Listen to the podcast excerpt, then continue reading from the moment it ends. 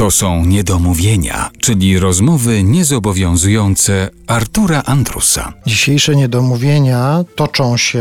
Ja parę razy mówiłem, że w mieszkaniu pana Stanisława Janickiego, ale właściwie rozejrzałem się i powinienem powiedzieć, że Stanisław Janicki mieszka w bibliotece i to z biblioteki. e, Ale to widzi pan tylko to, bo tam są jeszcze dwa pokoje identyczne. I to e, właściwie trochę jest odpowiedź na pytanie, skąd pan czerpie wiedzę. I domyślałem się, że większość wiedzy czerpie pan z książek, ale też znalazłem taki ślad, czytając rozmowę panów Andrzeja Pacuły ze Stanisławem Janickim, że pan zagląda do internetu i pan z internetu też czerpie wiedzę. Tak, przed laty byłem, jak wiele osób, absolutnym przeciwnikiem. To znaczy nie przeciwnikiem internetu jako formy komunikowania się i tak dalej, ale że mnie ten internet do niczego się nie przyda. I nagle okazało się, że kurczę, on się przydaje jako źródło informacji. Po prostu.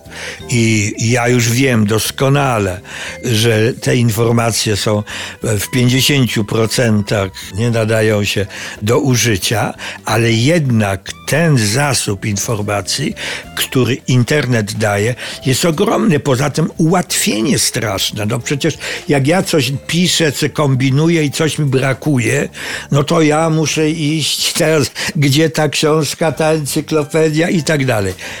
A jak siedzę przy komputerze, no to wklepuję i mam.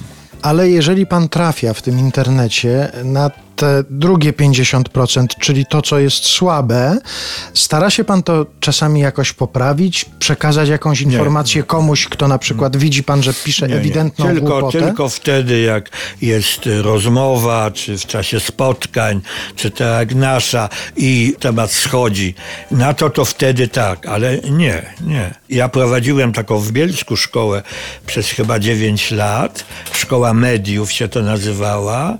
Wyższa uczelnia prywatna, y, zarządzanie, informatyka i tak dalej. I pani rektor, pani Ewa Madoń, świetna zresztą osoba, po prostu jak dowiedziała się, że ja się przeprowadzam do Bielska, to nagle poczuła, że kurczę, że mnie trzeba by wykorzystać jakoś.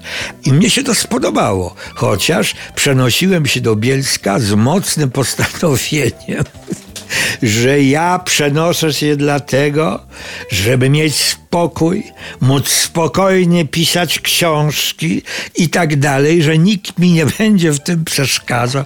No nie muszę mówić, że wszystko legło oczywiście. To jest.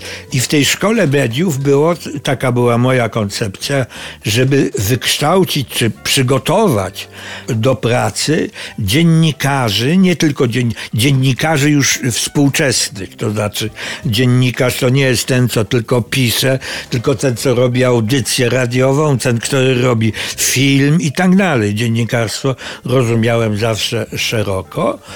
Dążyło to do tego, że egzamin końcowy to było napisanie artykułu, zrobienia audycji radiowej i trzecia rzecz to było zrobienie dziesięciominutowego filmu telewizyjnego. Byliśmy pierwsi, którzy wprowadzili podwójny dyplom polski i zagraniczny. I to była Wielka Brytania. To kwitło. I była to fantastyczna dla mnie też przygoda.